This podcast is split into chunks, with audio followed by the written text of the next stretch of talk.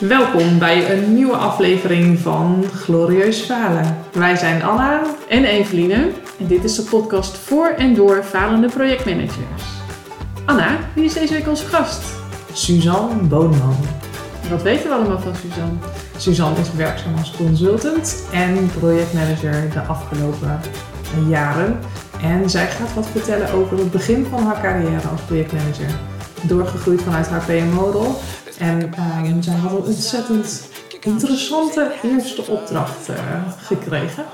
Heel benieuwd naar haar verhaal. Je hoort het, verteld door Suzanne Boorman.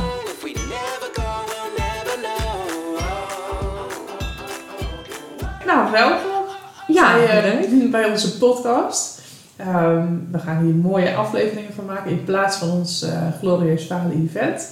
Uh, daar zou jij je faalverhaal komen vertellen. Um, en nu mag je dat voor de microfoon doen. Um, je mag het gelijk vertellen. Ga je gang, Suzanne. Ja, leuk. Nou ja, dit is een uh, verhaal over mijn uh, eerste opdracht als projectleider.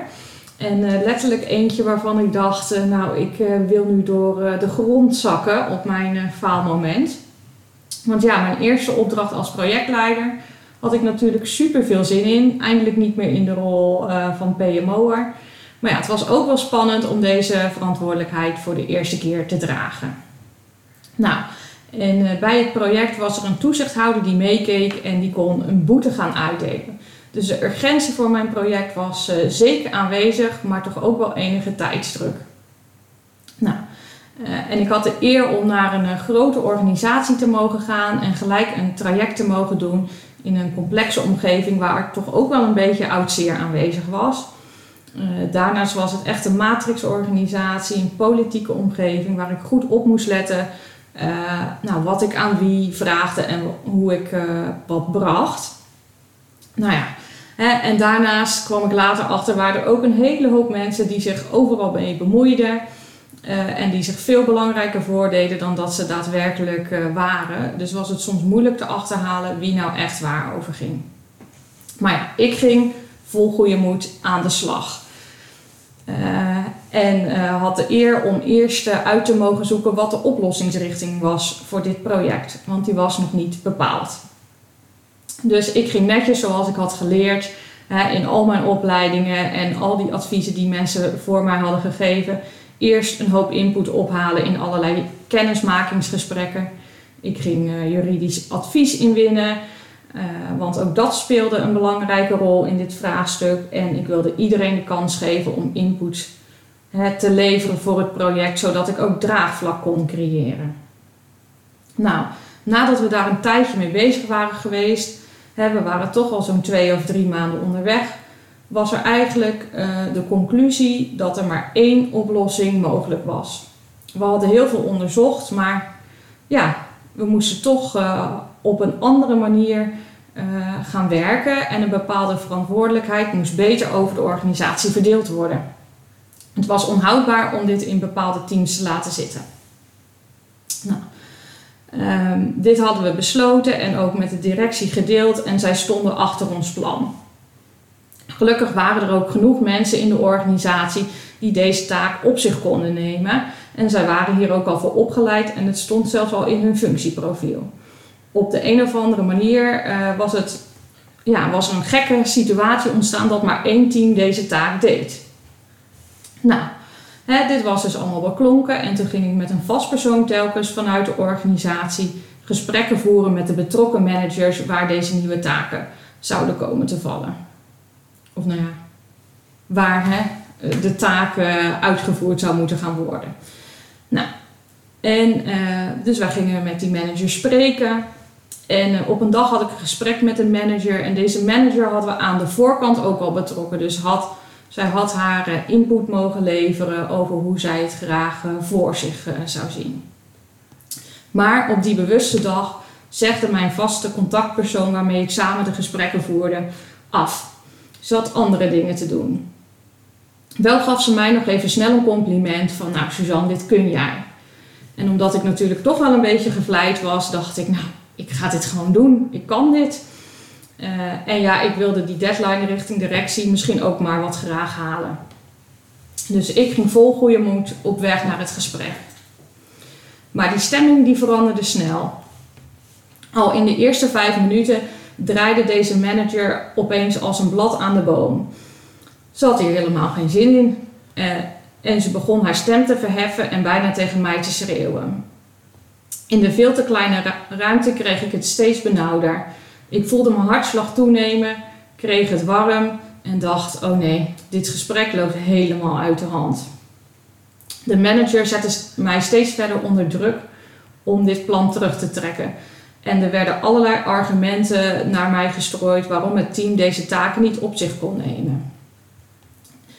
En uh, ik dacht alleen maar, nou, we hebben echt uh, 95% uh, hè, van jouw dingen meegenomen.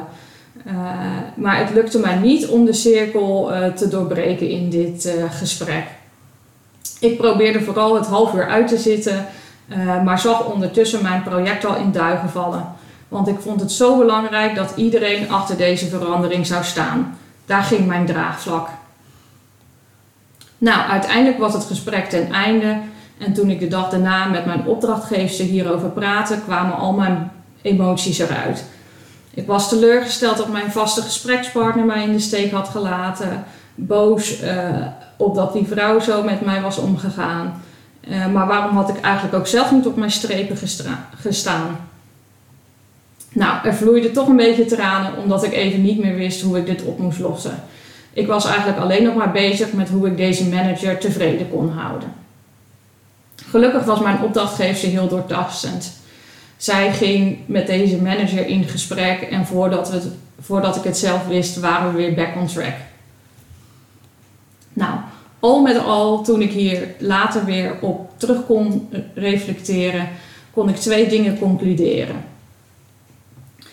Als ik in gesprek ben met een ander, vind ik het belangrijk dat ik diegene met respect behandel. Maar die andere persoon moet ook mij met respect behandelen. Er zijn namelijk normen en waarden in gespreksvoering. En als die persoon daar niet mee om kan gaan of over mijn grens heen gaat, dan stap ik voortaan uit dit gesprek als het mij niet lukt om de cirkel te doorbreken. En ook als ik nu kijk en mezelf een advies zou mogen geven, zeg ik: Suzanne, je hoeft niet iedereen te vriend te houden. Input ophalen bij je stakeholders is belangrijk, net zoals draagvlak opbouwen, maar uiteindelijk kun je simpelweg niet iedereen te vriend houden. Deze manager gaat misschien een boodschap krijgen die ze niet leuk vindt, maar het is niet anders. Ja, dat zijn twee hele mooie lessen volgens mij. Ja. Wat, um, hoe pas je dat nu toe in je huidige projecten? Kom je, het, eh, kom nu heel bewust tegen? Ja, ik denk dat er nog steeds, uh, als ik nu uh, bijvoorbeeld af en toe een stuurgroep voor zit, laatst moest ik, moest er budget, nou er moest geen budget vrijgemaakt worden, maar hè, om een bepaalde deadline te halen was er extra budget nodig. en nu kan ik dan beter van een afstand zien van oké, ik leg deze keuze voor aan de stuurgroep, het is niet mijn keuze. En zij mogen deze beslissing, uh, de mensen van de leden van de stuurgroep mogen de beslissing nemen. Uh, en dat is niet, uh, niet langer mijn probleem, noem ik het maar. Ja. Kan je een beter onderscheid maken tussen um, wat er persoonlijk voor jou is en wat er zakelijk is, zeg maar, aan de inhoud? Ja. ja. Ik denk dat we als projectmanagers ook ons project af en toe heel erg zien als ja, als ons kindje of zo kindje, bijna. Ja. Dus als iemand dan vertelt, ik werk er niet aan mee, of ik geef dat extra budget niet, of zo belangrijk is het nou ook weer niet, dat we dat dan best wel persoonlijk ons aan kunnen trekken. Dat, Oeh, dat doet even pijn. Ja. ja, je stopt er toch je ziel en je zaligheid in. Dus... Uh, ja, je bent ja. achter een doel gaan staan. Hè? Dus dat doel dat is er niet voor niets. Dus daar is iemand een opdrachtgever van. Die, die wil dat graag bereiken. Um, maar al die stakeholders in dat veld, die denken er misschien niet allemaal hetzelfde over, over dat doel. En het is natuurlijk, het is natuurlijk opvallend hè, dat je, um, dat in het begin lijkt het alsof die, die, die vrouw gewoon mee heeft gedaan in dat stakeholdersveld. Hè. Dus dat is ja. ook een beetje gek gewaarwording dat je dan, dat het toch in één keer tegen je kan keren of zo. Hè, dus, dus wat, ja. wat gebeurt er dan? Dat vind ik wel heel, heel interessant om dan... eh, hoe heb jij daarop teruggekeken? Hoe denk je dat, hoe dat dan is gekeerd of zo? Of heeft ze dat misschien toch niet durven zeggen en kwam het er toen allemaal uit of zo? Of, Ja, ik denk dat ze alles eh, tot het laatst heeft bewaard, noem ik het maar. Ja. Eh, want ik heb haar ook tussendoor bijgepraat. Er waren nog mensen in de projectgroep eh, die onder haar vielen, hè, waarvan zij de leidinggevende was. Eh, dus daarvan kreeg ze ook mee hoe het project verliep en welke kant we op gingen. Ehm, en eigenlijk kreeg ik van alle andere managers terug eh, hè, dat ik heel benaderbaar was. En die managers kwamen ook naar mij toe of als ik hun op de gang tegenkwam. Maar deze persoon eh, ja, heb ik een aantal keer zelf benaderd en een update gegeven. Eh, en een aantal keer een gesprek mee gehad. Maar op het eind eh, ja, was daar toch opeens de switch. ja. Ja. En waar zit dan voor jou die grens? Hè? Want je noemt gewoon die grens van normen en waarden in zo'n gesprek. Ja. Hè, waar ze dan overheen gaat. En waar ligt dan voor jou die grens? Hoe, be- hoe bepaal je dat? Nou, ik denk dat in dit gesprek. ehm, ja, ik weet niet of er echt grensgevallen zijn, maar eh, in de meeste gesprekken die ik voor heb, kun je wel een. eh, je kunt een zakelijk eh, verschil hebben, noem ik het maar, verschil in inzicht. Maar hier werd het echt op de persoon Ja, eh, gespeeld. En dat, dat voelde je ook echt eh, in de lucht hangen, noem ik het maar. En als je, als je niet, eh, nou stem verheffen vind ik al niet heel netjes, maar als je echt staat te schreeuwen en niet meer voor reden vatbaar bent, dan, Nee. nou dat is dus de grens. Dat is dat heb ik toen bepaald. Ja. ja. Ja. ja. Ja, dat kan ik me heel goed voorstellen. Ik heb het ook één keertje gehad. Toen ehm, eh, had ik een, een 1 op 3, zeg maar, dus met drie andere mensen. En ehm, eh, toen was er ook eentje die vrij emotioneel was. En eh, heel dichtbij me kwam op dat moment. Toen dacht ik, nee, dit, dit ga ik me niet, niet laten gebeuren. Maar het is inderdaad zo moeilijk om te zeggen van... Oké, maar hoe lang ga je er nog tegenin? Hè? Of hoe lang kun je het zelf nog gewoon slikken dat je denkt, nou weet je, dit is even de emotie, moet er even uit. En eh, daarna gaan we gewoon het gewone gesprek voeren. Hè? Ja. En wanneer zeg je, ho, stop, dit is, eh, dit is gewoon niet oké. Eh, al- als je nu niet normaal gaat praten bij wijze van, dan, Ja. dan ga ik nu deze ruimte verlaten. Ja. En ehm, ik ben uiteindelijk die ruimte uitgestapt. En dat had ik, ik vond het best- best wel moeilijk om die, om die grens dus te bepalen. En dat is natuurlijk een, ook een wisselwerking van wat er dan in zo'n setting gebeurt. Ehm, en ik voelde me dan op dat moment ook heel erg overvallen. Van wat gebeurt er nou? Ja. Hoe, hoe kan dit nou? En ehm, het hoeft natuurlijk niet per se in een project te zijn. Hè, dat dit Nee. gebeurt. Dat kan natuurlijk in elke situatie thuis of zo. Of eh, op de voetbalclub kan het ook gebeuren. Ja. Ehm, maar ik dacht, daar heb ik wel echt even, even heel goed over nagedacht. Van, ja, wat is nu voor mij dan het moment dat ik zeg, nu, nu is het klaar. Nu Ja. eh, kan ik niet meer met je praten. Dus eh, dat is eigenlijk een beetje voor mij de grens. Kan ik nog Ja. gewoon met je praten? Niet, dan, eh, nou, dan koel je maar even af en dan eh voelen we dat gesprek wel weer. Ja. Ja.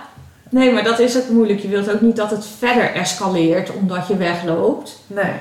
Ehm, maar ja, mensen moeten elkaar wel in waarde laten. Ja, zeker. Heb jij het wel eens meegemaakt, Evie? Ja, ehm, en, eh, maar daar komt ook mijn volgende vraag vandaan. Weet je waarom ze dit deed? Want ik, de eh, situatie waarin ik het heb meegemaakt was eh, dat die andere ook later naar me toe kwam. Sorry, er is thuis dit en dit aan de hand. Ehm, en jij raakte me net ergens waardoor de emmer overliep. Dat is niet iets goed praten. Ik ben nog steeds van overtuigd dat je dat dan niet moet doen. Ehm, en dat je het misschien dan aan moet voelen komen of zo, dat je emmer vol zit en naar de sportschool moet. Of, eh. Maar ehm, heeft zij ooit uitgelegd waarom dit gebeurde? Waarom zij haar emoties zo de vrije loop liet? Nee, heeft ze nooit uitgelegd. Ik heb alleen van mijn eh, opdrachtgever daarna een terugkoppeling gekregen dat dit schijnbaar bij andere personen met deze persoon ook al eens is gebeurd. Oké. Ehm, en toen dacht ik nog wel, oh, had ik dit dan van tevoren willen weten? Ja, je weet het dus niet. Hè? Nee, maar meer, hè? Dat is, hè? Eigenlijk wil je het ook niet van tevoren weten of zo, hè? dat het kan gebeuren. Maar toen dacht ik wel van, oh, ik was in dat gesprek ook heel erg bezig van, uh, hè? ik dacht, oh, ik moet je wel erkennen in haar emoties. En ik probeerde zo die cirkel te doorbreken op verschillende manieren. Uh, en toen dacht ik wel van, oh, nou, schijnbaar ben ik in ieder geval niet de enige of zo die dit ooit heeft gehad. Dat voelde als een soort van. Haast ja, een soort van opluchting. Of zo, ja. ja, maar ook omdat ik voor het eerst projectleider was. En normaal deed ik dit altijd met eh, wat meer senior persoon nog naast me. Dacht ik ook een beetje van, goh, heb ik dit nou totaal verkeerd aangepakt? Ging ik eigenlijk door haar aan mezelf twijfelen. Ik vind het wel een uh, karaktereigenschap waar je best wel, als, als mensen dat weten, die je van tevoren best wel mag horen. Van goh, dit is een persoon die af en toe op deze manier kan reageren. Dat is niet persoonlijk, maar dan kun je je gespreksstrategie erop aanpassen. Dan kan je op dat moment ook jezelf herpakken. Dit is niet persoonlijk. Er is iets aan de hand. Ik ken de thuissituatie of ik weet dat dit vaker gebeurt of hè, wat er dan ook is. Maar dat je dan um, kan zeggen, ik ga even water voor je halen. Of, uh, maar dat je dat van tevoren kan bedenken. Dat je die scenario's hebt. Want nu moest je onderspot denken. En achteraf hoor je dan, ja, doe heeft wel vaker. Ja. Ik vind het toch. Ja, ik weet niet. Ik denk dat ik het vooraf had willen weten. Ja. Ja, omdat je je mentaal er dan ook anders op instelt, denk ik. Ja. Dan, uh... Nou, als ik het had geweten, was ik natuurlijk sowieso nooit in mijn eentje naar het gesprek gegaan. Dat is één ding wat zeker is. Ja, ja. ja. ja. dat is natuurlijk ook zo, ja. Dat, uh, ik had nu ook niemand hè, waar ik op kon terugvallen of hè, dat je even. Dus dan wordt het ook een vrij, uh, ik noem het maar, intens gesprek. Omdat je, tenminste had ik heel erg, je wilt en luisteren, maar je bent ook al een soort van toch aan het nadenken van, ja, wat moet ik hiermee? Uh, hè? Ja, nu moest je het allemaal tegelijkertijd ja. doen. Dat is ook niet echt bevorderlijk natuurlijk voor het uh, gebeuren. Nee. nee. Nee, en ik denk dan, hè, de, de ander had niet een intentie om jou pijn te doen. Terwijl op dat moment je wel schrikt en wel pijn doet. En achteraf blijkt dat het dan niet, niet per se persoonlijk is. Nou, deze dame had wel de intentie om het hele plan uh, tegen te houden hoor. Ja, maar niet om jou persoonlijk pijn te doen. Nee, dat denk ik was niet. Uh, op de persoon. Nee. En wat vind je dan van het uh, moment waarop ze, wat ze kiest om het plan tegen te houden? Ja, dat was eigenlijk al veel te laat. En, uh, als het op een andere manier had gebracht, had je er dan nog iets mee kunnen doen? Willen doen? nou, willen ook, maar als iemand in, in alle redelijkheid en, en met uh, keurig alle argumenten en een PowerPoint-presentatie van 25 sheets ja. jou vertelt, nou, ik vind het toch echt geen goed idee. Um, had je dan anders gereageerd? Of was het dan ook, ja, het is eigenlijk te laat? Nee, het was niet, dan niet te laat geweest sowieso. Uh, alleen, ik denk wel dat het weinig veranderd had mm-hmm. aan de uiteindelijke uitkomst. Maar dan had zij zich in ieder geval beter gehoord gevoeld, denk ik. Ondanks hè, dat we al meerdere gesprekken met haar hadden gehad. Ja. Mm-hmm. Uh, ja. Had je ook al vaker één op één met haar gezeten? Ja. Dus dat is het ook niet, dat iemand zich in de groep niet, niet aan bod komt of niet gaat. En dat je dan... Ik heb individuele gesprekken met haar gehad, ook zonder die andere contactpersoon erbij. Uh, ik mm. was haar echt, uh, ik zat op, uh, nou wat zal het zijn, 400 meter in ieder geval, twee deuren ertussen. En ik liep daar altijd rond in de kantoortuin. nee, dus dat is het En er is altijd transparantie geweest. Ja. ja. Ik, heb, ik heb één keer een project, projectgroep gehad waarin iemand zat die dan in het, uh, als we daar zaten, niet zoveel zei. En dan achteraf naar mij toe kwam, Evelien, hier en hier zitten mijn bezwaren. Oh ja. En daar moest ik in het begin ook heel erg aan had het dan net gezegd, want we zaten net bij elkaar het over kunnen hebben. En dan met elkaar ook vooral. Um, maar die, als je daar eenmaal aan went, dat je dan oké, okay, zullen we het de volgende keer vooraf hebben? En dat, dat een kwartiertje eerder in de vergaderzaal met z'n tweeën, dan kon ik het in ieder geval in de project toen kon je het weer naar voren brengen. Maar als jij zegt, ja, we hadden elkaar eerder één op één gesproken, dan was dat het dus ook niet, waardoor het niet was gelukt. Nee. Ik denk eerder nog, maar dan vul ik het voor de ander in. Hè. Eh, ze had een enorm volle agenda. Eh, dus ik hè, heb een aantal keer wat ingepland, Mhm. een aantal keer met haar gesproken. Ehm, en ik denk dat ze daarna gedacht heeft, nou, het komt wel goed. Of op, eh, en Ja. het gaat precies op mijn manier of zo. Nou ja, en het was niet 100% haar manier. Maar eigenlijk nog steeds wel 95%, want we hadden superveel input eh, meegenomen. Alleen ja, bepaalde dingen konden we gewoon niet anders verdelen, omdat we met een juridisch kader ook te maken hadden. Ehm, Ja. ja, dus dat is geen onwil, alleen eh, soms word je juridisch gezien eh klem gezet. Mhm. Met Ja. wat kan en wat niet kan. Hey, en dit soort, dit soort dingen kunnen natuurlijk ook voorkomen in je team. Hè? Dus dat is dan nog een soort van dichterbij of zo. Hè? Dus Ja. niet in die stakeholdersgroep, eh, maar juist in je eigen team. Ehm, maakt dat voor jou nog verschil? In hoe je dat voorbereidt of eh, hoe je die gesprekken voert? Nou, ik denk als ik, hè, als ik het heb over een projectteam, eigenlijk over het algemeen eh, merk ik dat heel veel dingen eigenlijk bespreekbaar zijn. Eh, en dat het juist is van, goh, hoe zie jij dit, hoe zie jij dat? En dan wordt het, daar wordt het idee alleen maar beter van op de uitvoering. En eh, nu zit ik op een wat meer ICT-gerelateerd project, maar je vraagt juist alle experts eh, uit van, goh, eh, hè, welke kansen zie je, maar misschien ook welke risico's. Ja. Eh, en ik denk dat mensen elkaar dan alleen maar heel goed kunnen aanvullen. Hè? Dus je kunt wel een verschillend standpunt hebben, maar dat hoeft helemaal niet tot conflict eh, te leiden eigenlijk. Nee. Nee. Ik zit er voor mezelf over na te denken van wat zou dan voor mij, hè, hoe, maakt het een verschil? Het is, er zit natuurlijk een verschillend belang in, in die zin. Hè? Dus de, Ja. de stakeholders die hebben natuurlijk een, een, eh, ja, een, een oordeel wat van invloed is op je eindresultaat, denk ik. Dat hebben je teamleden net zo goed, alleen op een andere manier natuurlijk. Meer op de inhoud en ehm, eh, op de wijze waarop je dingen doet, bijvoorbeeld. Ehm, het is toch een andere invloed, denk ik, of zo. Ik weet niet goed hoe ik dat moet duiden. Ehm, Het projectteam zit natuurlijk ook aan tafel en beslist mee. En een stakeholder eh, zit ergens op de participatieladder, maar is niet per se de beslissende partij. nee. En je gaat wel in gesprek en je neemt de belangen mee. Eh, maar die hebben niet de hamer om mee te slaan. Niet allemaal in ieder geval. Nee. Nee, in dit geval had eh, die persoon had geen beslisbevo- eh, Nee. beslissingsbevoegdheid. Dus, en dat is niet mijn stijl, maar ik had in theorie zelfs kunnen zeggen: dit is het plan, zo gaan we het doen. Ja. Ik haal nergens input op. In Ja. theorie had dat gekund. Zal Ja. ik nooit doen. Nee. Nee, maar je kan, Maar je, kan- het je kan had gewoon gekund. informeren is ook een participatiemanier. Ja. Ja. ja.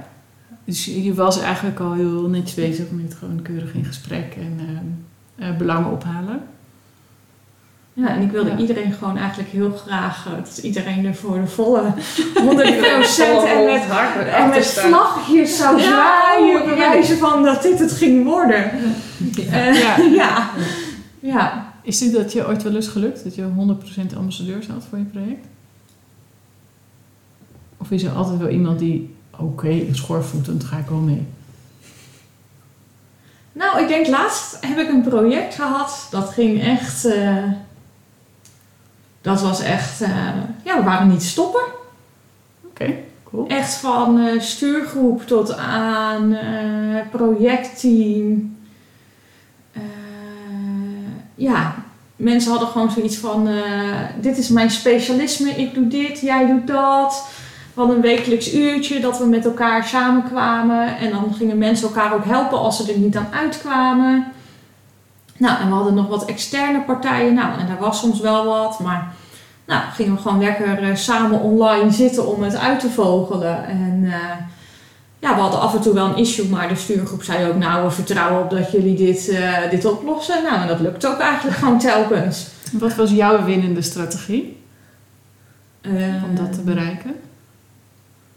Ik denk wel dat, ik was sowieso bij mijlpaal 1 moest even gevierd worden natuurlijk. Ehm, en mijn strategie was denk ik dat ik heb gewoon echt alleen, echt alleen projectmanagement gedaan. Want ik wist hier inhoudelijk ook echt helemaal niks vanaf. Ehm, dus iedereen eh, werd denk ik echt gewaardeerd om zijn of haar eh, expertise. Dus ik werd heel erg gewaardeerd om mijn to-do-lijsten. Eh, en om het feit dat ik dan zei: hé hey jongens, weer even terug naar de rode draad. Ik weet dat jullie het heel leuk vinden om over technische dingen te praten. Ehm, maar we moeten ook even wat doen in dit uur. Hè? Nou, daar kon iedereen dan toch wel weer om lachen. En dan gingen we gewoon weer vrolijk Ja. verder met z'n allen. Ja, je zei net ook dat eh, toen je je eh, projectteam of je werkwijze beschreef, iedereen deed waar hij goed in was. Dus, ehm, en als jij dan ook doet waar je goed in bent en als projectmanager het vertrouwen in hebt dat iedereen doet, ik denk dat dat ook wel de geoliede machine is die je idealiter hebt. Ja, ik moet wel heel erg lachen om die zin van ik ben echt alleen maar projectmanager geweest. Want wij hebben laatst elkaar een vraag gesteld. En dat ging over, kan ik Eveline's eh, job als projectmanager uitvoeren en kan zij die van mij uitvoeren? Want we zijn allebei projectmanager. Alleen zij is dat in de bouwinfra en ik ben dat in de ICT. Ja. En, en, dus ik ben wel benieuwd, denk jij dat dat kan? Denk jij dat jij elke projectmanagersklus uit kan voeren? Nou, ik denk dat ik een heel eind kan komen. Want ICT-project wat ik nu deed, ik eh, had nog nooit eh, van een, eh, van een OTAP gehoord. Nou, dat is best wel basic. en toch, eh, hè, daar kwam ik later achter, maar weer, ja, dat heb ik toch allemaal eh, overleefd. Doorstaan. Ja. Ehm, en ik denk dat het daarin ook wel geholpen heeft dat ik ook wel daar eerlijk in ben geweest.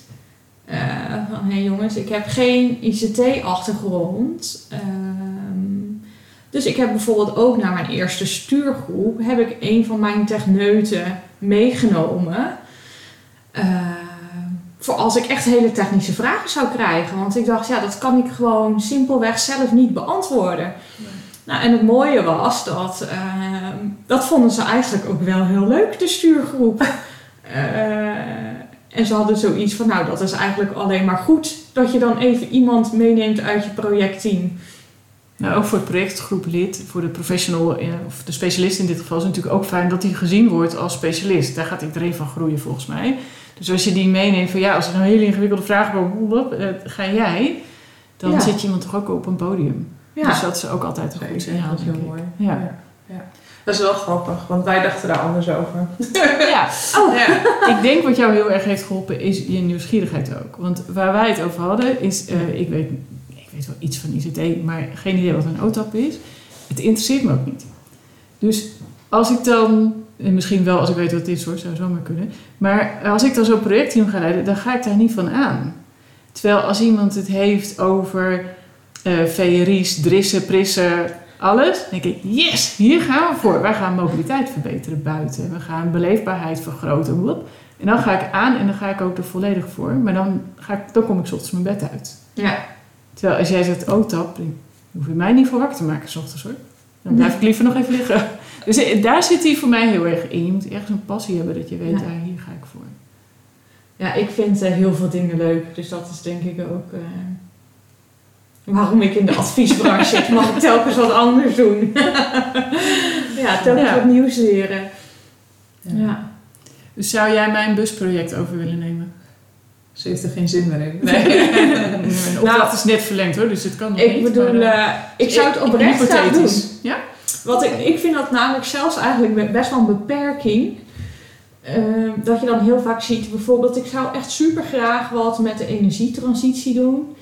Eh, en ik heb bijvoorbeeld nou, ook een keer bij ehm, een zelfstandig bestuursorgaan gezeten. En daar zeiden mensen, ja, het duurt echt een half jaar voordat je dit allemaal weet. En je moet allemaal kennis hebben. En dan willen ze dus eigenlijk niet iemand die die kennis niet heeft. Hm? Ja, dat En- maakt Dat is in die... de meeste gevallen zo, ja. Ja. ja. En dan denk ik echt, waarom? En ik dacht echt, na anderhalve maand, nou, ik heb echt wel gewoon op hoofdlijnen door hoe dit werkt. Hè? Niet om mezelf op te hemelen, maar meer dan denk ik, nou, is alleen maar goed om even een frisse blik. eh, Maar dat gaat denk ik ook over leiderschap. Want ik, wat ik in mijn werkveld dan heel vaak tegenkom... is dat er wordt gevraagd om een projectleider met een diploma civiele techniek. Dat heb ik niet. Maar ik ben er ook van overtuigd dat als je een civiel techneut in een projectteam zet... wat civiel technische dingen gaat doen... dan heb je al die kennis bij elkaar. Maar dat maakt niet per se dat het een goede projectleider is natuurlijk. Dus nee. ik denk dat als je een... En dat gebeurt steeds vaker hoor. Dus, eh, maar als je een projectleider uitvraagt... dat je ook op veel meer kwaliteiten moet letten... dan alleen op die hbo of universitaire opleiding die ooit gehaald is. Ja, dan denk ik, het is veel belangrijker dat mensen met elkaar communiceren. Eh, eh, en ik durf nog vragen te stellen zoals, oh, wat is dat? Nou, en bij een van mijn projecten bleek ook dat iemand anders die in het projectteam zat, hè, daar kwam de taak eh, na het afronden van het project kwam ook in de lijn te liggen. Dus dat project heb ik ondertussen afgerond. Die wist het eigenlijk ook niet zo goed. Wat hij nou moest gaan doen. Nou ja, dus dat was het perfecte moment om even te zeggen: we nodigen iemand uit van een eh, extern bedrijf, die even dan een uur eh, een paar keer uitleg komt geven over deze tool waar wij mee werken. Eh, en toen durfde hij eigenlijk ook pas zijn vragen te stellen. Eh, dus dan denk ik, ja, dan zie je ook dat dat soort dingen juist naar voren komen. Omdat ik zeg, oh, wat is dat dan? En dan denkt hij, oeps, ik kan het ook niet aan Suzanne uitleggen, want ik weet het zelf niet eens. Ja, en dat durfde ik eigenlijk niet zo goed te zeggen hiervoor. ja, ja maar misschien is eh, kwetsbaarheid tonen ook wel een van de leiderschapskills die je nodig hebt. Naast nieuwsgierigheid en empathie en, eh, eh, is het toch het durven zeggen: ik weet het niet of ik kan het niet zo goed of ehm, ik ben niet goed in financiën, mag ik daar een specialist voor? Is dat wel een van de manieren waarop je het beste, ook wat jij net zei, de projectmanagersrol kan pakken, puur die rol. In plaats van dat je stiekem nog gaat bemoeien met de inhoud of dat soort dingen. Misschien is dat wel projectmanager van de toekomst. Nou ja, kijk, wij zitten natuurlijk helemaal op dat spoor, hè, dat dat soort skills gewoon veel belangrijker worden. Of ze eigenlijk al zijn, Ja. eh, maar dat het veel beter eh, wordt verwoord nu ook hè, de richting een leider van de toekomst. Ehm, in plaats van alle hard skills eh, die natuurlijk in alle projectmethodieken staan beschreven, wat je allemaal moet hebben. Ehm, maar toch, ja, toch, ik ben toch, ja, sorry, ik ben toch wel overtuigd dat ik, dat ik in mijn geval in de ICT ehm, wel mijn rol ook beter kan uitvoeren, omdat ik, ehm, omdat ik begrijp wat de inhoud is en dat ook kan uitleggen aan ehm, mijn opdrachtgever en stakeholdersveld daar wat echt de ballenverstand heeft van ICT. Hè, dus dat ik juist die vertaalslag heel goed kan maken. De brugfunctie. ja, en dan heb ik toch wel echt inhoud nodig. Ja. Hè, dus ook al kun je dan dingen best wel snel leren, eh, maar als je die kennis al hebt, ja, zit je natuurlijk veel sneller op het, Ja. op het goede gesprek. Ehm, dus ik denk dat het wel heel handig is dat ik heel veel van ICT weet. En weet wat er nood op straat is. En, eh, en, en heel veel van die andere dingen Ja. die daarbij komen kijken. Ja. Ja. En zo zal het in de bouw denk ik ook zijn. Hè? Dat, natuurlijk kan ik dat wel leren. En maar als ik het al weet, dan heb ik echt wel een voorsprong. Ja, een hele, hele goede, grote Ja. voorsprong. Ja. En tegelijkertijd is dan, maar daar kun je bewust van zijn, de valkuil dat je denkt, oh dit weet ik wel. Ik ga, waar, waar jij dan de techneut voor uitnodigt, ik ga het zelf wel even uitleggen aan de stuurgroep. Ja. Ehm, dat kan dan natuurlijk je valkuil zijn. Ja. Maar ja, als je daar bewust van bent. ja, het is ook niet dat ik eh, zomaar in het lucht ledig. Ik haal altijd nog wel informatie op Ja, bij, mijn, ja. eh, bij mijn eh, ontwikkelaar of mijn testspecialist of weet ik veel. Ja. En ik zie het voor mezelf ook in sommige overleggen ehm, als een rol om de domme vragen te stellen. Om als we eh, een gesprek hebben waar bewoners bij zitten eh, en verkeerstechneuten, om dan om die brug te slaan ook af en toe gewoon nou, iets te vragen van zou dit een optie zijn als we aan het brainstorm zijn, terwijl ik ergens al ze had kunnen inschatten, het antwoord is nee. Om de vraag ook gewoon gesteld te hebben en het gesprek te voeren. Dus ergens zit daar in die brug zit ook welke vragen kun je stellen en hoe maak je het, de taal van de een duidelijk voor de ander. Ja. praat allemaal Nederlands, maar het is niet, hetzelfde, niet Nee, dezelfde taal zeker. natuurlijk.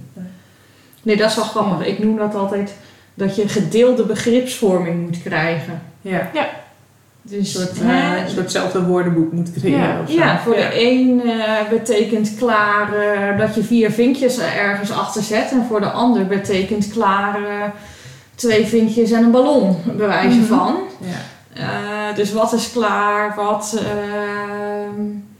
ehm, wat verstaan we ergens onder met elkaar? Ja. Ik denk dat dat Om de juiste verwachtingen ook te kunnen afspreken met elkaar. Ja. Bespreken met elkaar, ja zeker. Maar ik denk inderdaad als je ziet hoe mijn ICT-kennis is gegroeid, dat, ehm, dat helpt zeker natuurlijk. Ja, Alleen ik denk niet eh, dat het betekent dat je niet zou kunnen wisselen dus van aandachtsgebied. Dat kan denk ik wel heel goed wisselen van aandachtsgebied. Alleen dan moet Ja. je wel Alleen de eerste opdracht Eh. moet je dan even eh, flink in investeren. investeren inderdaad. Ja. En daar moet je inderdaad zin en tijd in hebben. Eh, ja, en ik vind dat leuk. ja. ja. Ja. Maar de energietransitie, ehm, daar kom je hele andere stakeholders tegen dan in je werk nu, denk ik. Er ligt eraan welk deel van de energietransitie je gaat doen. Ja, daar ga ik vanuit van. Maar daar wel. kom je hele andere stakeholders tegen. Ehm, en hoe pak jij, eh, oh dat hangt niet eens samen met energie, hoe pak je nu je stakeholder management aan? Welke gebruik je daar een methode voor? Of gaat het op gevoel, intuïtief? Nou, ik denk dat ik nog steeds veel intuïtief doe. Maar ik ben me wel onder andere door dat eerste project en ook wat opleiding veel meer bewust geworden van... Oké, wie neemt nou eigenlijk de besluiten? Eh, en ik probeer wel echt... eh, ehm, hè, dus ik heb ze wel wat meer in kaart van tevoren, Mhm. noem ik het maar. Al is het maar in mijn hoofd. Ehm, dus dan weet ik van, nou, die moet ik even informeren, die moet ik even op de, hè, op de hoogte houden. Nou, die gaat daarover. Nou, en eh, die stakeholder moet ik even input ophalen. En ik vind dat je wel ziet eh, vaak dat dat in een project zich ontwikkelt. Dus dan heb ik bijvoorbeeld een bepaalde manager of een directielid. Eh, daarvan weet ik hoe die graag informatie ontvangt. Of dat hij zoiets heeft van nou zet me altijd maar in de cc. Of Mhm. juist eh, niet in de cc, want dan kom je in een aparte inbox en eh, wordt de mail niet gelezen. Ehm, dat vind ik wel grappig om te zien hoe dat zich dan ontwikkelt. Ja. Dat stakeholder management. Mailtjes worden losser, eh, er wordt gewoon even zo gebeld. ehm, Koffiezetapparaat mis je nu, maar eh, Ja. dat is natuurlijk ook belangrijk. ja. En stuur je er ook bewust op dat als je ehm, analyseert van goh, iemand zou, ik zou graag willen dat hij mee beslist of eh meedenkt, maar die zit nog op een ander niveau, dat je diegene bewust in een strategie zet zodat hij dichter bij de plek komt waar je hem wil hebben, hem of haar, of die partij wil hebben. Nou, wat ik wel gewoon doe, inderdaad. Ik noem dat dan, dan zeg ik gewoon, nou, ik wil even de expert eh, erbij hebben. En dan zeg ik gewoon, nou, ik heb verschillende expertises eh, uitgenodigd. En dan eh, krijgt iedereen gewoon een mail. En dan zijn dat de deelnemers die ik heb samengesteld voor de meeting. zo, Ja. zo zorg ik dat dat gaat. En dan zeg ik er ook gerust bij van die persoon heb ik uitgenodigd vanwege zijn of haar expertise hierin en die daarom. En, eh, En sommige mensen weten nog niet dat ze stakeholder zijn in jouw project. Dat vind ik altijd de meest interessante eh, mensen. Dat als je start met een project dat je, en je brengt je stakeholders in kaart, om dan eerst eens na te gaan, weet iedereen eigenlijk van mijn project af en dat ze er iets mee zouden kunnen of zouden moeten of zouden willen.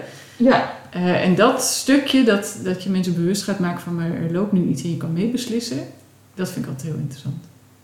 Om te kijken waar mensen gaan, waar gaan mensen naar bewegen. Ja, dat is grappig. Ik heb dus eerder ervaring met mensen, met te veel mensen die zich bemoeien dan te weinig mensen die zich bemoeien. En met de juiste mensen die zich bemoeien.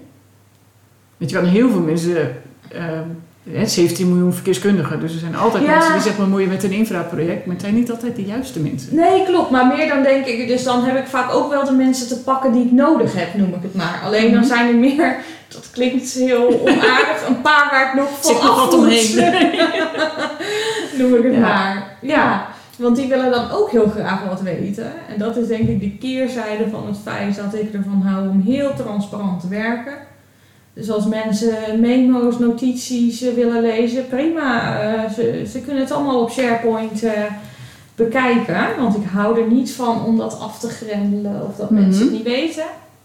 Maar ja, dat betekent ook wel eens dat er mensen hè, wat gelezen hebben en dat ze dan denken van nou, dat komt me op een of andere manier niet zo goed uit. Want dat raakt bijvoorbeeld mijn werkzaamheden of ehm, iets in die richting. Ehm, en dan zijn er ook wel eens mensen die mij daar dus over contacten. Ja. Ja, En, nou, je zo zegt, hè, ik uh, plopt eventjes een ander onderwerp op. Ja. Maar um, hè, je hebt het over uh, je projectmap zeg maar even dichtzetten of openzetten. Hè, Ja. Om informatie juist ook uh, toegankelijk te houden. Maar doe jij bewust aan projectmarketing? En ben jij bezig met jouw project? Die vraag zat ook in mijn hoofd hoor. Oh, oké. zo, zo raar is die niet. Nee. En dus draag je. Het is een, het is een term die, ja, die Ja. wij samen kennen, zeg maar. Maar um, volgens mij is het geen, nog geen breed gedragen uh, onderwerp, zeg maar. dat ik mijn project promoot onder mijn Ja. stakeholders en zo bedoel je? Ja, maar ook binnen de organisatie en hè, Ja. op allerlei manieren. Dat kan natuurlijk ook heel gelaagd zijn. Ja, daar ben ik wel heel bewust mee bezig. In de zin van dat eh, kan echt variëren van eh, berichten op intranet. Eh, en daar, als het echt de hele organisatie aangaat, daar eh, hè, benoemen wat gaat goed, welke mijlpaal hebben we al gehaald, wat zit er nog in het vooruitzicht. En op het moment eh, waar ik zit, daar hebben ze een, portfolio en daar staan projecten op. En op bepaalde projecten rapporteer ik ongeveer eens in de vijf weken. En dat gaat dan automatisch een bepaald soort keten in. Dan gaat langs directie, langs managementlagen. Maar ik heb ook een project ehm, die niet op dat portfolio staat. En daar hoef ik dus ook niet op te rapporteren. Dat is sowieso wel interessant natuurlijk. Dus dat is natuurlijk al interessant. Want als je het mij vraagt, zou dat project juist wel op dat portfolio moeten staan. En heeft het meer belang om over dat project te rapporteren dan over mijn andere project. Maar dat is een sidestep. Dus wat doe ik daar? Daar stuur ik naar de betrokken eh, MT-leden. Die krijgen gewoon ongeveer elke maand, hangt er vanaf wanneer de cijfers bekend worden, krijgen die gewoon proactief van mij een update in hun mailbox. Met daarbij voor verschillende, nou ja, ik noem het hier maar divisies slash afdelingen, ook gewoon nog wat vragen. Want zij zitten niet in mijn stuurgroep. eh, allemaal. Ehm, dus zo zorg ik er wel voor dat ik onder de aandacht blijf, dat mijn project onder de aandacht blijft. Ehm, en dan zien die mensen van, oh, nou, eh, we lopen misschien toch een beetje achter ten opzichte van de rest. Dan komt er toch weer hè, wat tractie Ja. door alleen maar dat eh, te versturen. Ja.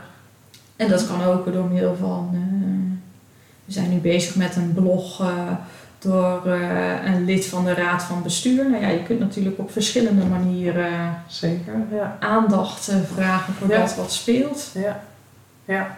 Ja, ik vind het ook heel erg leuk om dan juist weer die expertises naar voren te schuiven. Ja, Dus inderdaad door eh, tips en tricks te geven of door hè, hen eens juist de presentatie te laten geven in plaats van dat ik het weer zou doen. hè, Zo'n update of... eh, Ja. ja. Er zijn denk ik tig met projectmarketing te doen.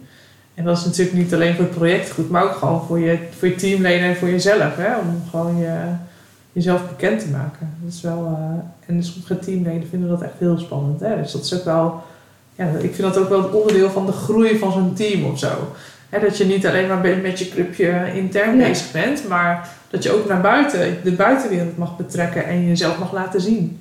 En dat vind ik wel heel erg, eh, heel erg boeiend wat dat dan doet met zo'n, eh, met vaak met de individuen. Hè? Van hoe, Ja. hoe ontwikkelen ze zichzelf dan ook buiten die expertise. expertise. Ja.